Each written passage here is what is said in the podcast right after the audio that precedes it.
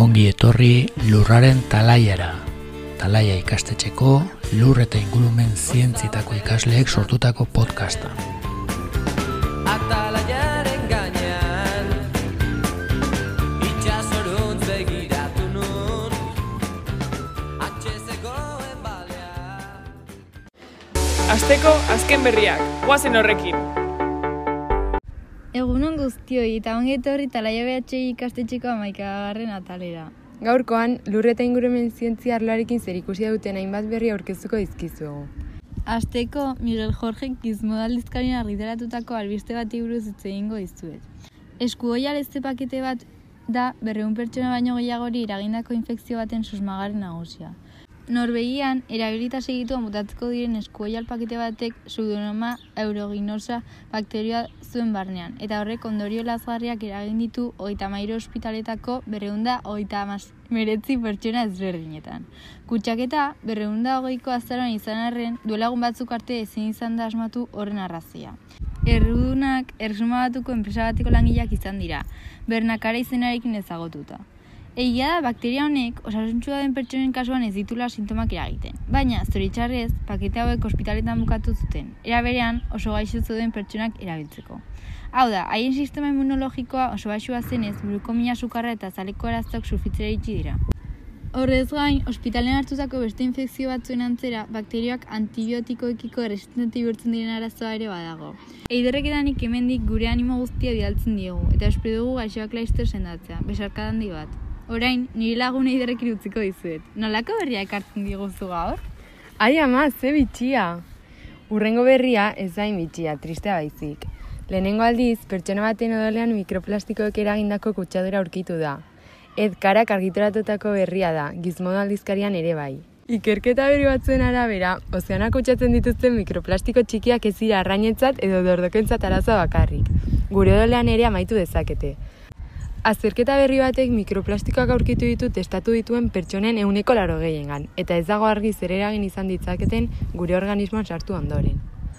Ikerketa txikia izan da, baina sarrera handia da beste ikertzaile batzuk hau oinarritzat hartzeko eta ikerketa gehiago sakontzeko.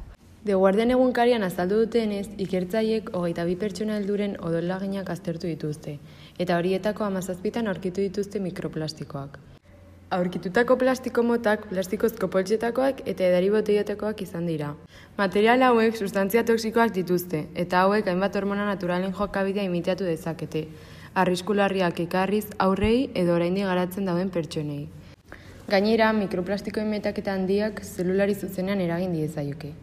Ikerketa baten arabera, pertsonetan dauden mikroplastiko kopuruetan diferentzia handia dago. Pertsona batek ugari izan ditzake eta bestean mikroplastiko kopurua urre izan daiteke. Azterketa batzuk azaltzen dute mikroplastikoekiko gehiagizko esposizioa kolon narritagarriaren sindromearekin, bigarren motako diabetesarekin eta mimiziarekin lotuta dagoela.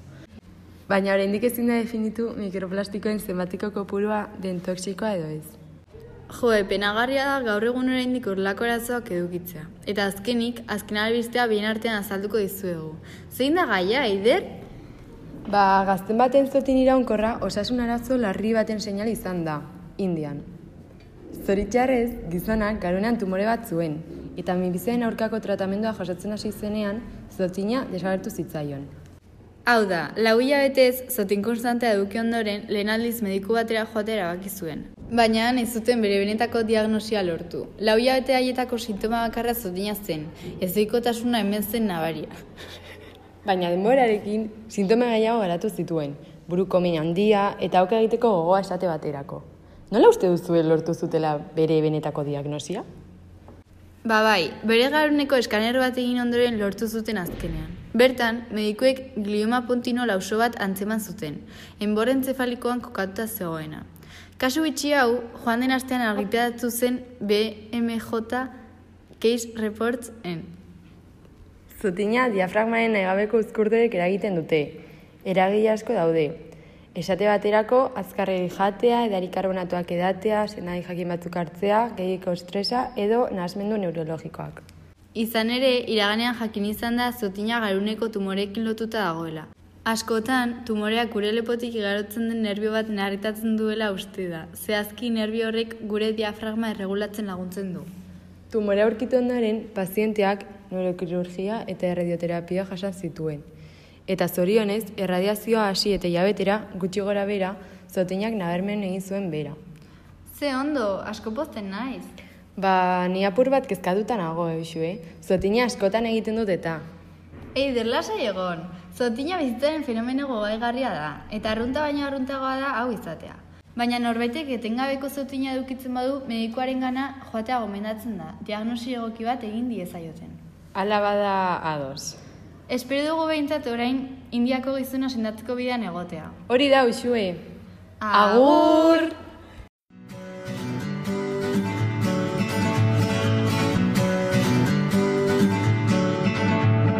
Zer ikasi dugu?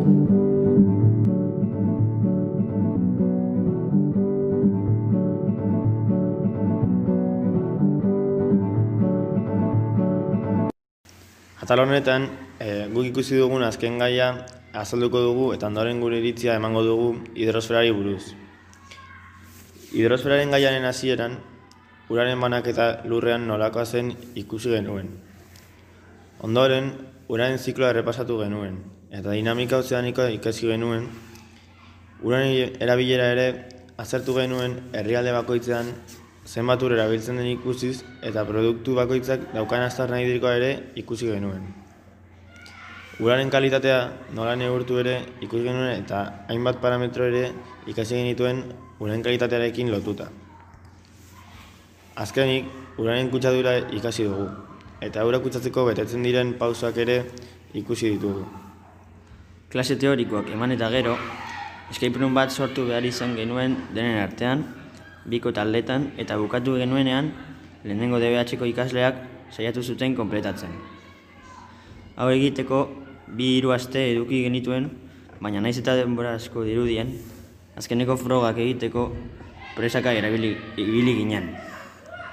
Talde bakoitza lau froge egin behar izan zituen, eta batzuetan taldeak fusionatzen ziren froga bat egiteko.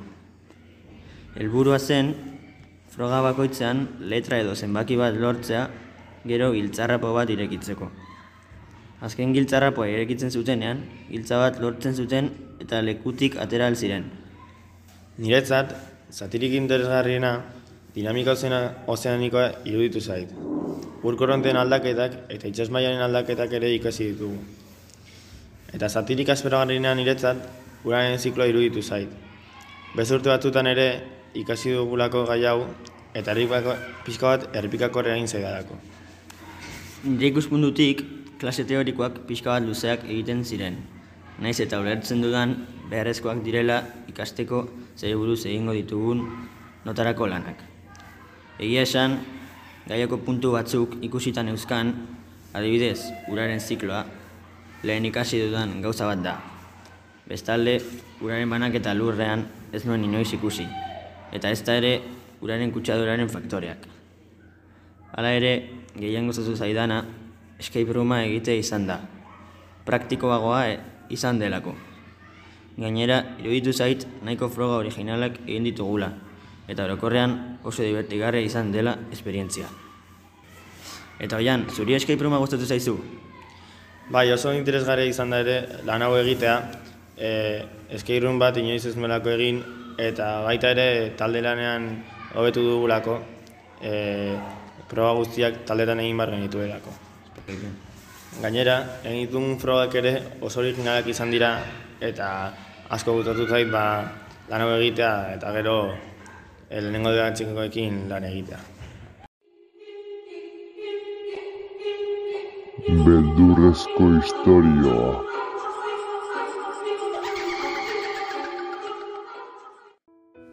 Kaix ekipo, hemen gaude berriro, baina beste tal batekin. Oraingoan, beldurrezko istorio batekin. Kaixo, zehazki bopaliko istripuari buruz itzengo izuegu. Bai, hori da. Istripua mila atzironda larogeita lauko abenduaren pitik irura gertatu zen, Bopalirian, Indian. Ondamendi oso larria izan zen, hildako kriston pila egon ziren. Baita, ingurumenaren kalte asko ere. Bai, gogorra izan zen, eta oraindik ere ez dute konponbiderik aurkitu. gertatu zenaren inguruan. Bueno, Lide, hasieratik hasten bagara hobeto helbertuko dute, ezta? Bai, egia. Abenduaren bian, arratsaldeko bederatziak aldera, langile batzuk metil isozianatoaren biltegi batean garbitzen ari zela, balbula batzuk berriro ipintzea hartu zuten. Ondorioz, gaueko amarrak inguruan, urabiltegian sartzen hasi zen, non berrogeita bitona metil isozianato zeuden. Esan beharra dago, mantendu falta zegoela fabrikan. Horregatik, erreakzio exotermiko bortitz bat hasi zen. Temperatura berreun gradutara iritsiz. Gainera, etengabe kontrolatzen zen biltegiaren presioa, baina arratsalde horretan arrazoi ez ezagunengatik presioa txikiagoa- txikiegia zela erregistratu zen. Ordu batzuk beranduago, presioa igotzen ari zela ikusi zen, baita gasa kanpora isuritzen ari zela. Hori dela eta, gaueko amabiak eta laurdenetan, zaindariek produkzio arduraduna jakinaren gainean jarri zuten. Azkenik, leherketaren beldur, langileek alarma jo eta gaueko ama biterdietan lantegia utzi zuten. Larrialdietarako plan faltak arriskoak areagotu zituen, eta ondorioz, presio handi honek atmosferara gaza isuri zuen. Kanpoan isurketa nabaria izaten hasi zen, eta bopalirian zea zabaltzen hasi zen. Fabrika irian bertan kokatuta baitzegoen. Bai, lide, ba, hauek izan ziren atmosferara isuri ziren gas nagusiak. Fosgenoa, hidrogeno zianuroa, karbono monoxidoa, nitrogeno oxidoa, monometil amina eta karbono dioxidoa. Oso gazkutsakorak izan ziren, eta gizakiok eduki zituzten lehen efektuak honakoak izan ziren. Estula, begi eta estaren narritadura, goragalea eta asfixia. Sintomak eduki ondoren, bopaleko biztanleek bireketako arazoak, ugaltzeko ezintasuna, begietako gaixotasunak, umetan malformazioak, sistema immunologikoko eta neurologikoko arazoak eta beste hainbat ondorio eduki zezaketen. Guztira, berreun mila kaltetu erregistratu ziren. Bestalde, hila jaiotako umen kopurua irukoiztu egin zen, eta erditzean hildako emakumena berriz bikoiztu. Bigarren egunean, hiru mila hamabost mila inguru hil egin ziren, eta horietako asko ibaira botatzen zituzte. Horrela, arrantza dekatuta geratu zen, eta ezin zuten elikagairik landatu kutsadoraren ondorioz. Horregatik, janari urritasun nabarmena egon zen bopalen. Hogeita bost urte pasa badi- baldin badira ere, oraindik ez da konponbiderik aurkitu.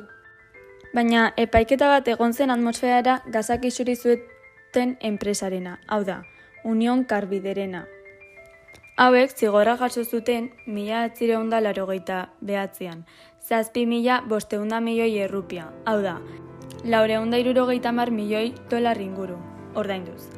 Baina kargu zibil eta penal guztietatik libre geratu ziren. Beraz, protesta eta mobilizazio ugari egon ziren. Horietatik gehienak ingurumenean egon ziren kaltengatik eta lantegian geratzen ziren produktuengatik izan ziren. Bueno, hau izan da dena, espero dugu interesgarria iruditu izana eta aurrengo atalarekin utziko zaituztegu. Agur!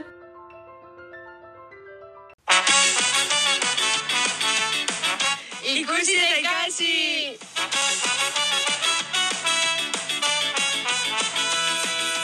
Egunon, aste honetan Comprar Tiar Comprar dokumentala ikusi dugu eta gaur dokumental honen laburpen txiki bat eta iritzia emango dugu. Izenburuan agertzen den bezala, dokumental honetan erosketen impultsibitatearen eta hauek duten iraunkortasunari buruz hitz egiten da. Gai nagusia programatutako obsolestentzia da, azken urteetan oso gai entzuna izan dena. Naiz eta dokumental honek hamar urte baino gehiago dituen. Obsoleszentzia programatua gaur egungo aparailu guztiek pairatzen duten programazio mota da. Iraunkortasuna murrizten duena. Iraunkortasun hori bukatzean aparatuak arazak emango ditu, eta hori konpontzea oso garestia eta batzuetan ezinezkoa izango da. Horregatik, honen inguruan zerbait egiteak benetako onurak ekar ditzake, gure poltsikoentzat zen ingurumendaentzat. Azken finean produktuak erosi eta gota egin beharrean, dauzkagunak konpondu ezkero lehen gutxiago beharko genituen eta dirua aurrez genezake. Dokumentalean baita ere aparatuek benetan iraun dezaketen denboraz hitz egin da. Hau adierazteko bombilla baten adibidea hartzen dute. Bombilla hau zuritzaile parke batean dago, eta bertan piztuta daramatza ehun urte baino gehiago. Aldiz, gure etxeetan urtebete pasatzerakoan itzali egiten dira, gastatu direla esanez. Orduan, zergatik ez dugu zuritzaileen bombilla berdina erabiltzen? Teknologia hobeak ditugu orain, ez da? Adibide hori kontuan hartuz, konturatu gaitezke etxan ditugun bonbila gutxi irauteko programatuak daudela. Enpresei hori interesatzen zaielako. Egun urte iraunduko bazuten oso gutxi salduko zituzten, eta ondorioz oso gutxi irabaziko zuten. Urtebete bakarrik irauten badute aldiz, askoz ere gehiago irabak, irabaziko dute, beneta berriro erosi beharko ditugulako. Nik argi dut ez dela bidezkoa, ez gure ekonomian eragiten duelako, baizik eta geroz eta gauza gehiago botatzen ditugulako zakarrontzira. Agian bota beharko ez genituzkeenak. Neri horregatik dokumentala oso interesgarria iruditu zait. Behintzat gure egunerokoan normaltzat jotzen dituen gauzak salatzen dituelako, edota auzian jartzen dituelako. Zer iruditu zaizu ez zuei? Ni ados nago zurekin. Askoz ere hobeto izango zen diruan bakarrik pentsatu beharrean, planetan ere pixka bat pentsatzen balute enpresek. Aparatuen iraupena ez bagenuen murrizten, askoz ere baliabide gutxiago erabiliko genituzke. Bide batez, ondakin gutxiago sortuz. Eta hori oso argi ikusten da dokumentalean. Horregatik asko gustatu zait. Nire gelakidekin ados egon arren, ostedentzia kontsumitzaileak indartzen duten arazoa dela pentsatzen dut, eta ez bakarrik enpresek. Adibidez jarriko dizuet, mugikor bat daukat. Ez du inolako arazorik, baina urrengo hilabetean berri bat aterako dute. Eta erosi egingo dut. Kasu honetan, zeinek aragozten du arazoa? Enpresa edo nik? Nire ustez, nik izango nintzen arazoa. Azkenean erosketa ez beharrezko bat egiten dudalako. Egia da goiatzen ikuspuntua partekatzen dudala, baino nire buruz ulergaitza da teknologia berriekin ingurumena babestu beharrean hau gehiago suntsitzea. Eta entzun duzun bezala ez dugu iraunkortasuna hobetzeko urratsik eman, baizik eta dirua irabaztea izan da gure helburu nagusia. Zarkitua dagoen arren oso dokumental interesgarria iruditu zaigu, eta oso ondo azaltzen duela obsoleszentzia programatuaren arazoa. Normalean uste dugu hau existitzen dela, baina ez dagoela nola honi aurre egin. Eta hori ikusi dezakegun bezala, orain erabiltzen diren aparatuek edizio zarrek ez zeukaten programazioa daukate, naiz eta lehen erabiltzen zen sistema eraginkorragoa zen. Beraz, uste dugu honen aurka egin daitekela, eta jendeak bideoa ikustean gogo kritiko bat zor dezakela ikaslengan. Beraz, interneten comprar tirar comprar idatzi ezazu eta eman jozu aukera bat. Agur! Ingurumenaz solasean.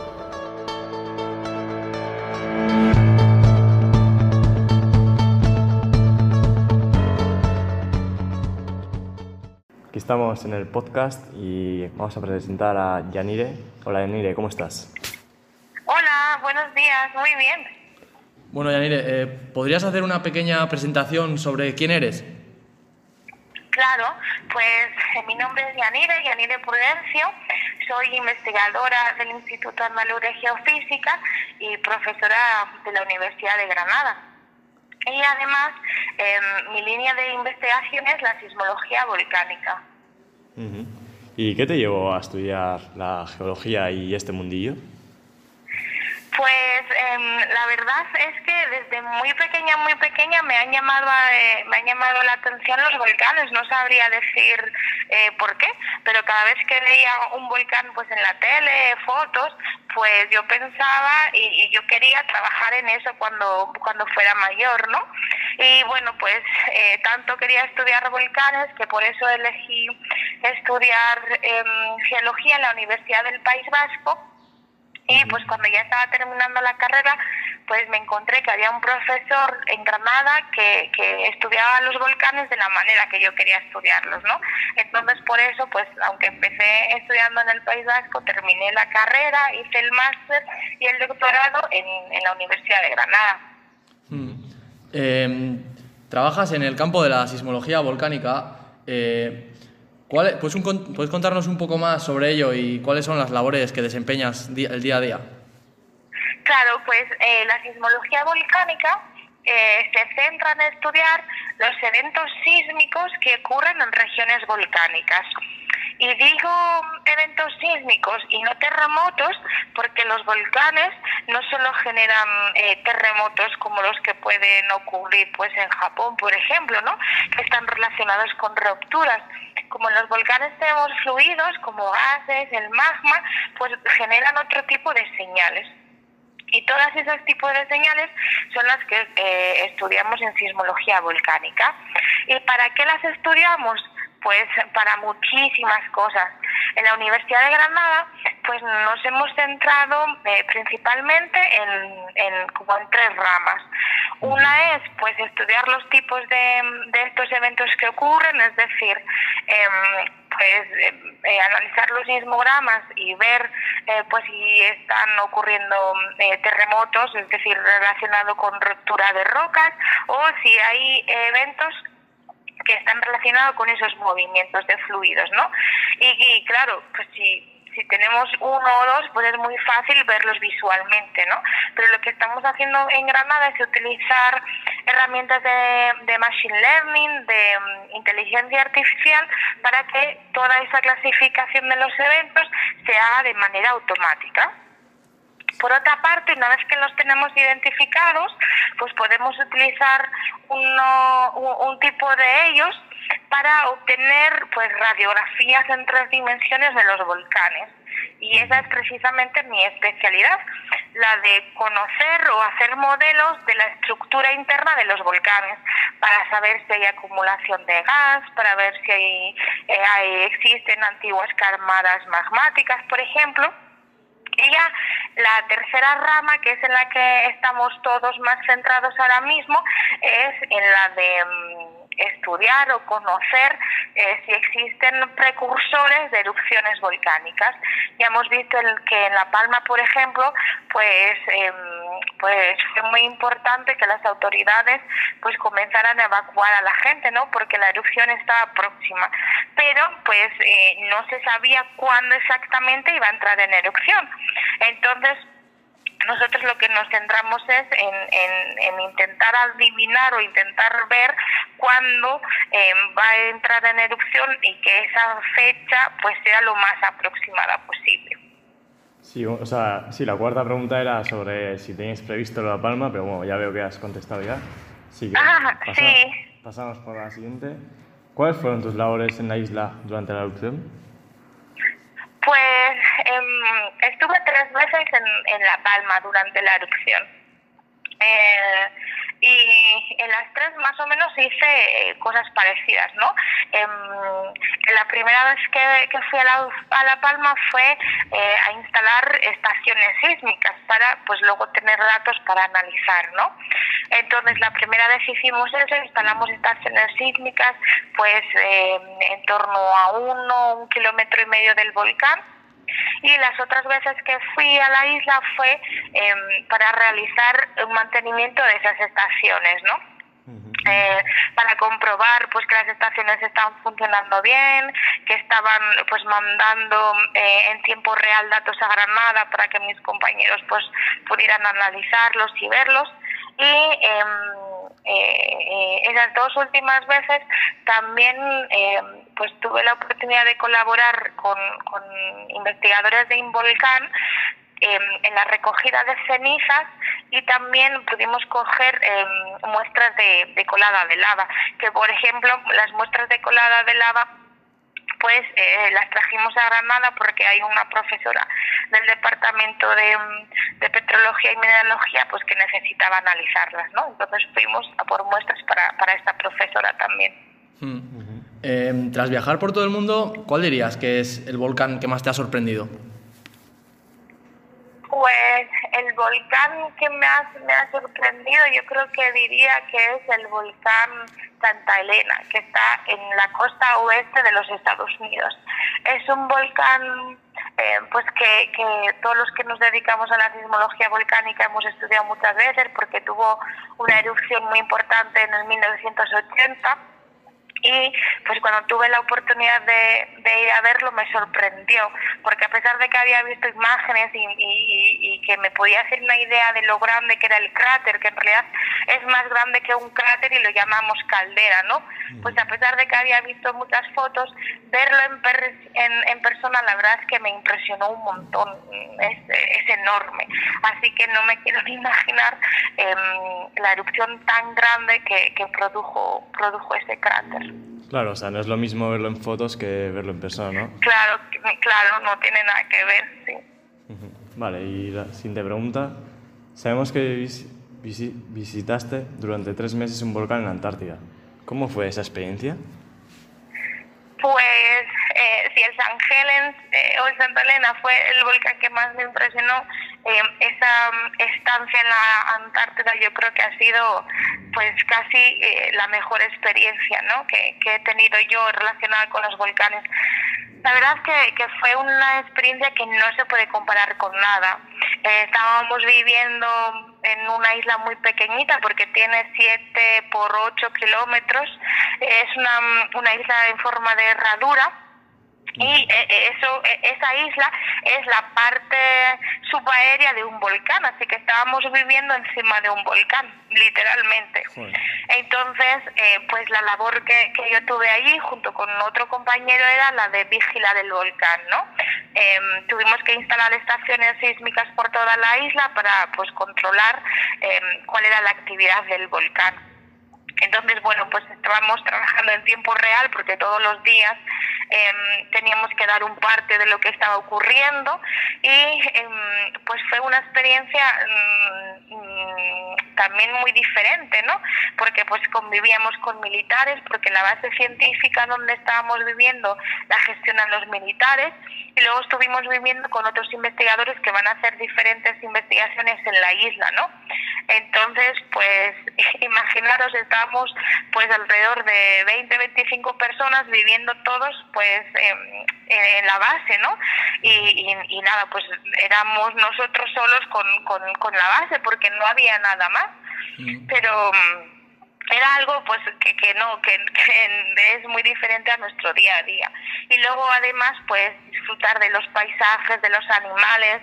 De vez en cuando teníamos visita de pingüinos de leones marinos de focas en la base. Y la verdad pues que eso no no se puede comparar con nada no ya os digo que fue una experiencia la verdad que única. Eh, aparte de tus labores científicas también ejerces como divulgadora entre los más jóvenes. ¿Cómo es que llegaste a eso?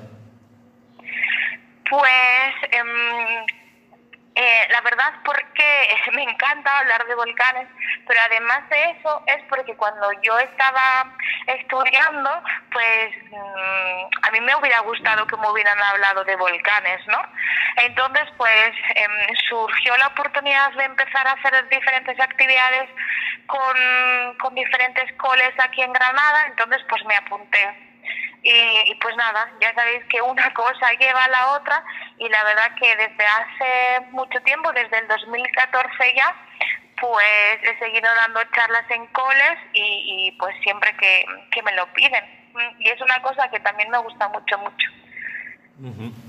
Como ya conocerás el tema del cambio climático, nos gustaría saber cómo puede afectar los volcanes en un futuro al cambio climático ya sabéis que, que, que, que, los volcanes y las erupciones volcánicas se rigen por, por, otros esfuerzos que no estén relacionados con el cambio climático, ¿vale? Entonces, que haya un cambio climático, pues no va a suponer que haya eh, un mayor número de volcanes en erupción, etcétera. Pero sí que eh, los volcanes y erupciones eh, grandes pueden producir eh, cambios en el clima de la Tierra. De hecho, tenemos varios ejemplos en la historia donde grandes erupciones pues han cambiado el clima de la Tierra. Por ejemplo, hubo una erupción en el 1815 en el volcán Tamborá en Indonesia, que emitió tanta ceniza y tantos gases a la atmósfera que el año siguiente se conoce como el año sin verano, porque eh, pues eh, produjo un descenso de las temperaturas eh, en toda la Tierra y por ejemplo pues en, en Europa nevó en julio, en Estados Unidos pues no tuvieron verano, entonces pues sí que erupciones volcánicas cuando son de grandes dimensiones pueden afectar al cambio climático. No al calentamiento, sino que en este caso eh, eh, habría un cambio climático por enfriamiento. Y para finalizar, ¿qué opinas sobre el cambio climático? ¿Crees que es inevitable o todavía podemos solucionarlo? Em, yo creo que se podrían hacer muchas más cosas de las que se hacen actualmente, ¿no? Eh, podríamos reducir más las emisiones, em, pero bueno, es un asunto complicado porque entran eh, diferentes eh, em, aspectos en juego, ¿no? Empresas, em, cuestiones políticas, etcétera. Pero bueno, yo creo que, que aún se puede evitar, ¿no?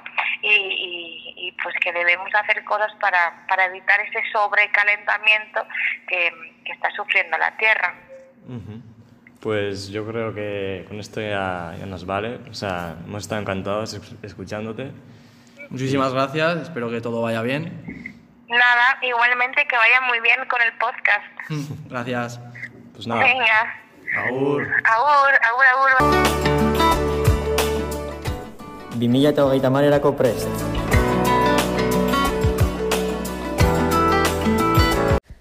Kaixo, guk Aizea Diego eta Karina gara, eta gaur Agenda 2030 marreko helburuetatik ama bigarrenari eta mairugarrenari buruz hitz egingo dizuegu. Has gaitezen. Azteko, amabigarren helburua ekoizpen eta kontsumo arduratsuak bermatzea dira. Hau da, jasangarriak diren kontsumo eta ekoizpen modalitateak bermatzeko helburua. Baliabideen eta energiaren erabilera eraginkorra eta ekonomia zirkularra sustatzea da. Horretarako, ingurumena ondatzen ez duten azpiegiturak eraikitzeari, horre, oinarrizko zerbitzuak irizpedean izateari eta justu ordaindutako eta lan baldintza onak dauzkaten enplegu ekologikoak sortzeari arreta ipintzea garrantzitsua izango da. Gakoa jarduera ekonomikoetatik irabazi garbiak sortzean datza. Baliabideen erabilera, handeatzea eta kutsadura txikitzearekin batera bizitza kalitate hobea lortuz. Helburu honetako helmuga batzuk, elikagaien xahuketa erdira murriztea, atmosferara egiten diren emisioak eta uretara eta lorzurura egiten diren isurketak murriztea, prebentzioaren, murrizpenaren, birziklapenaren eta berre, berrerabiltzaren bitartez hondakinen sorkuntza nabarmena murriztea. Izan daitezke. Orain, helburu honetako adierazle batzuk aipatu egingo dizuegu. Lehenengoa, birziklatutako hondakin arriskutsuen proportzioa da.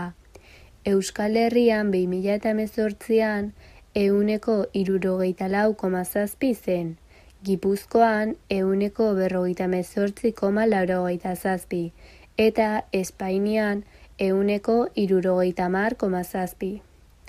Zoritxarrez, hirurak helburuetatik urruntzen ari dira. Bigarrena, birziklatze tasa da. Hau da, birziklatzen den hiri hondakinen eunekoa. Gipuzkoan 2018an euneko berrogeita hamabi koma berrogeita bata birziklatzen zen. Euskal Herrian aldiz berrogeita bat koma berrogeita sei, eta Espainian hogei, euneko hogeita hamabosta. Esan dezakegu Gipuzkoa eta Euskal Herrian hobetzen joan dela, baina Espainian aldiz okerera doa. Hirugarren adierazlea isuritako hondakin arriskutsuen proportzioa da. Euskal Herrian 2018an euneko hogeita malau koma hogeita lau zen, Gipuzkoan euneko berrogei koma irurogeita sei, eta Espainian euneko hogeita abi koma bost. Berriz ere denak helburuetatik urruntzen ari dira. Hamairugarren helburua klimaren aldeko ekintza da. Helmuga preziazko neurriak hartzeak klima aldaketaren eta haren ondorioen aurka egiteko da. Klima aldaketak kontinente guztietako herrialde guztiei erasat, erasoten die eta beraien ekonomian, pertsonen bizitzan eta komunitateetan eragin negatiba sortzen du. Beraz, garrantzitsua da neurri garrantzitsuak hartzea klima aldaketari eta dituen ondorioei aurre egiteko. Beharrezkoa izango da klima aldaketaren arriskuen aurrean erantzun global indartzea. Helburu honek hainbat helmuga ditu. Horien artean lehendabizi klimarekin eta ondanbendi naturalekin zerikusia duten arriskuetara egokitzeko gaitasuna eta erresilientzia indartzea, beste aldetik politika, estrategia eta planetan klima aldaketari dagozkio neurriak txertatzea eta e, bukatzeko klima aldaketa arintzari eta aldaketa horretara egokitzeari klima aldaketaren ondorioak morrizteari eta alerta goiztiarrari dagokionez gizakien eta erakundeen heziketa, sentsibilizazioa eta gaitasuna hobetzea izango ziren. Orain, helburu honetako hainbat adierazle esango dizkizuegu. Lehenengoa, eriotza tasak. Ondamendiei zuzenean egotzitako hildako pertsonen kopurua eun mila, biztanleko Euskal Herrian, bi mila hogeian, eguneko 0,0 bost, Gipuzkoan eguneko 0,0 eta Espainian eguneko 0,amabi, irurako bera doaz. Jarraituz, urrengo adierazlea unitate goilarren berotegi efektuko gasen guztizko isurtzeak per capita da. Hau da, biztanle eta urteko berreitutako emisioak CO2 tona baliokidetan. Espainian 2019an eguneko 6,9 beratzi zen eta helburura hurbiltzen da. Euskal Herrian euneko zortzi koma berrogeita sei eta helburura ere hurbiltzen da. Baina Gipuzkoan berriz euneko bost koma lau da eta helburura urruntzen da. Ba, hau izan da guztia, eskerrik asko zuen arretagatik. Agur!